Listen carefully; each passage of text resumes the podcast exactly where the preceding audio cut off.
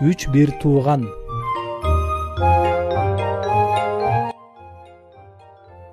Илгери бир заманда ата энеден жетим калган үч бир тууган болуптур алардын колунда жалгыз көк өгүзү бар экен. Аны үчөө кезек менен кайтарып жүрүшчү.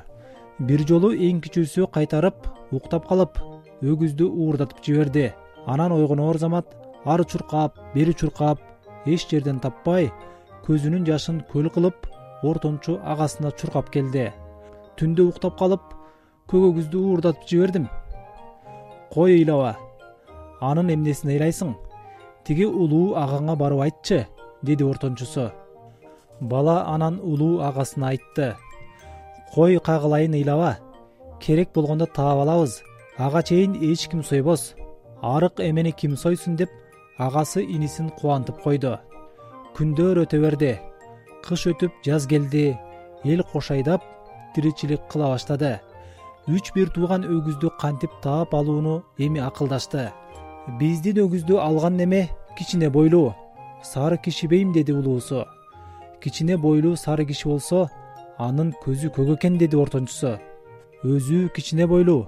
Өңү сары көзү көк болсо анда ал уурунун аты курманаалы деди эң кичүүсү. Өгүздү алган кишини билдик эми анын өзүн кантип табабыз деп улуусу сурады. Биз өзүбүз оңой менен таба албайбыз. Балким хан таап берет ханга айталы адилеттик кылгысы бардыр деп ортончусу айтканда беркилери макул болуп ханга барышты. Ханым биз ата энеден кичинебизден жетим калып жалгыз өгүзүбүз менен жер айдап күн көргөн бечара элек. Аны кыштын башында уурдатып жибердик. Уурдаган киши сиздин айылыңызда алып берсеңиз экен дешти кайсы киши? Аны өзүбүз көрсөтөлү. Сиз элиңизди чубатып берсеңиз эле болду. Хан макул болду. Хан элди чубатууга салды. Үч бир тууган өткөн элди карап отурду. Көптөн кийин эң улуусу ордунан тура калып мен айткан кичине бойлуу сары киши тетиги деди.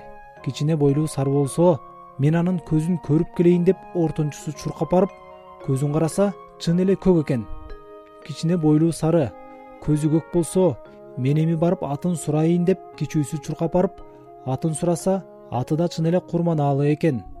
Ханым биздин өгүзүбүздү уурдаган киши ушул. Өгүздү бизге кайра алып бериңиз деп балдар курманаалыны ханга жетелеп келишти балдардын өгүзүн бергин деп хан айтканда курманаалы чычай атанды. Хан аябай кысмак калып акыры даргага тарттырмак болду. Курманаалы ошондо гана коркуп алганым чын эле сарайда байланып турат деди өгүздү уурдаган кишини балдар кантип билгенине хан аң таң болуп эми балдарды сынап көрмөкчү болду. Балдар силер анык билгич болсоңор мына мунун ичинде эмне бар экенин билип бергилечи деп бирине бирин көмкөрүп койгон эки табакты алып келди. Балдардын эң улуусу табакты чайкап мунун ичиндеги нерсе тоголок экен деди. Эмесе кызыл экен деп ортончусу айтты. Тоголок жана кызыл болсо анда киши жей турган анан экен деп эң кичүүсү сүйлөдү. Хан ого бетер таң калып булардын билгичтигине өтө ыраазы болуп үчөөнү ат мингизип тон кийгизип узаткан экен